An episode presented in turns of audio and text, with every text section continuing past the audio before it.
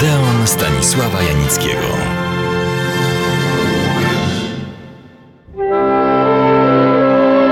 Obiecałem przed tygodniem, że w kolejnym, czyli dzisiejszym Odeonie, opowiem o jednym z najciekawszych i najwartościowszych amerykańskich reżyserów czasów wielkiego kryzysu gospodarczego, który miał miejsce na przełomie lat 20. i 30.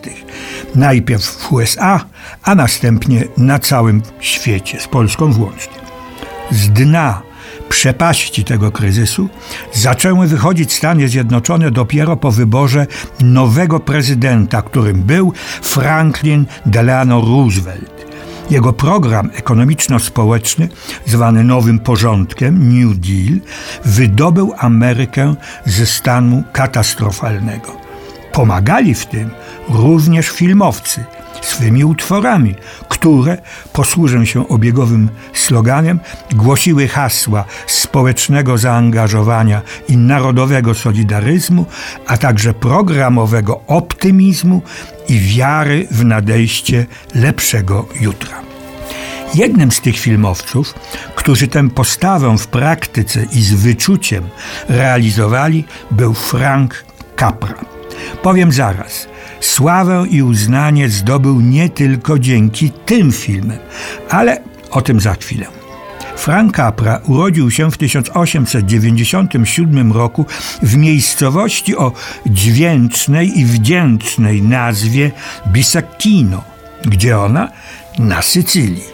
Choć niektórzy biografowie twierdzą, że wprawdzie urodził się na pewno na Sycylii, ale w jej stolicy, Palermo. Kiedy miał 6 lat, rodzice, jak tysiące Włochów, szczególnie z tych najbiedniejszych regionów, wyemigrowali do Ameryki, czyli USA. Konkretnie do Kalifornii. Jeśli chodzi o przyszłe losy Franka, to był to właściwy kierunek. Wszak tu miała się wkrótce narodzić sławna i potężna fabryka snów Hollywood. Na razie życie było jednak trudne, bardzo trudne, bo ojcu udało się, zresztą z wielkim trudem, znaleźć jedynie nędznie płatną pracę zbieracza na plantacji pomarańczy. A rodzina składała się z rodziców i siedmiorga dzieci. Frank najpierw zarabiał jako sprzedawca gazet oraz grał na banjo w popularnych, nie cieszących się najlepszą famą lokalikach rozrywkowych. Zarobionymi w ten sposób pieniędzmi wspomagał domowy budżet i własną edukację. Tę ukończył jako inżynier chemik. Absolwował kalifornijską, powiedzielibyśmy po naszemu, Politechnikę. W 1918 roku, a więc pod sam koniec I wojny światowej, został wcielony do wojska jako szeregowiec. Musiał być jednak dobry, skoro zdemobilizowany został w randze podporucznika. Kiedy wojna się skończyła, na niewiele się to zdało. Znowu rozpaczliwie szukał pracy, zarobku, więc sprzedawał, co się dało często bardzo egzotyczne przedmioty oraz grał zarobkowo w pokera. W 1922 roku podjął się reżyserii krótkometrażowego filmu będącego adaptacją ballady Rudyarda Kiplinga dla małej wytwórni w San Francisco. Zarobił 75 dolarów za swoją pierwszą pracę jako reżyser.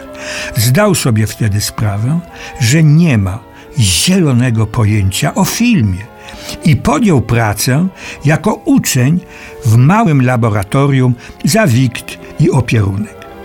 Ale wkrótce zaczął pracować dla komediowego reżysera Boba Eddiego jako innymi montażysta jego filmów. Wkrótce przeniósł się do wytwórni Hola Roacha. Wymyślał tu śmieszne, to znaczy zwariowane gagi. Po sześciu miesiącach go jednak wyrzucono.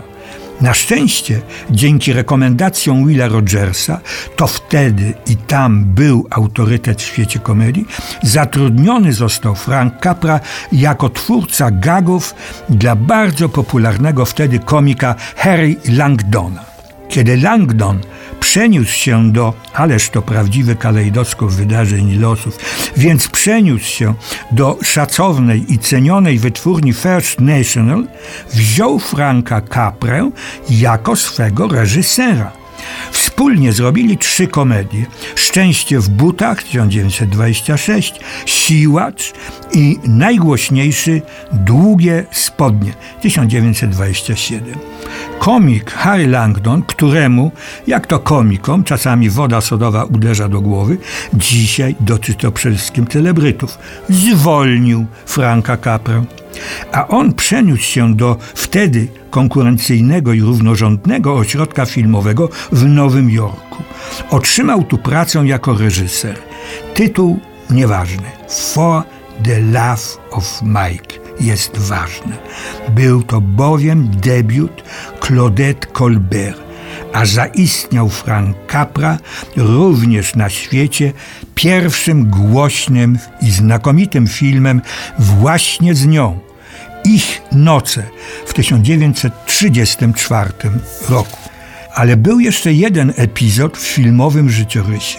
Otóż wcześniej, bo w roku 1931 reżyserował Frank Capra film, który wszedł na trwałe do historii nie tylko amerykańskiego, ale i światowego kina platynową blondynkę z Jean Harlow, która była jedną z największych i powiedziałbym najwyrazistszych przedstawicielek nowego modelu młodej kobiety. Nie tyle fatalnej, co pewnej siebie, żywiołowej i zaborczej.